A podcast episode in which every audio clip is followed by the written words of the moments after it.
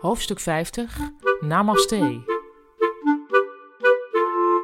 Kavia lag op het grijze kantoortapijt en zag een eenzaam Engels dropje onder haar bureau.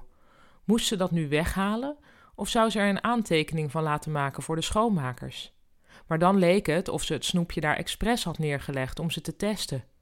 Kavia, klonk het. Ze schrok op. Gewoon ogen dicht, Kavia, zei Gerlof.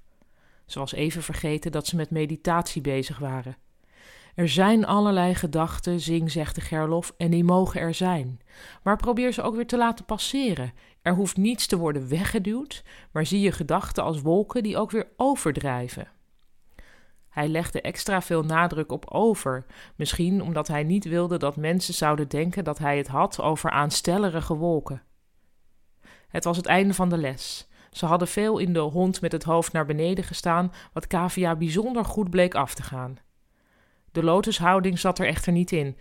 Waarschijnlijk staat jouw botstructuur dat niet toe, had Gerlof diplomatiek opgemerkt. Ruud had gegrinnikt. Kavia was blij dat ze de laatste tien minuten op de grond mocht liggen. Af en toe klonk er een ping van een mailtje dat ergens binnenkwam. Geluid mag er zijn, zei Gerlof. Meteen daarna klonk er drie keer ping, alsof het geluid aanvoelde dat het nu toestemming had. Kom in je eigen tempo weer omhoog, zei Gerlof.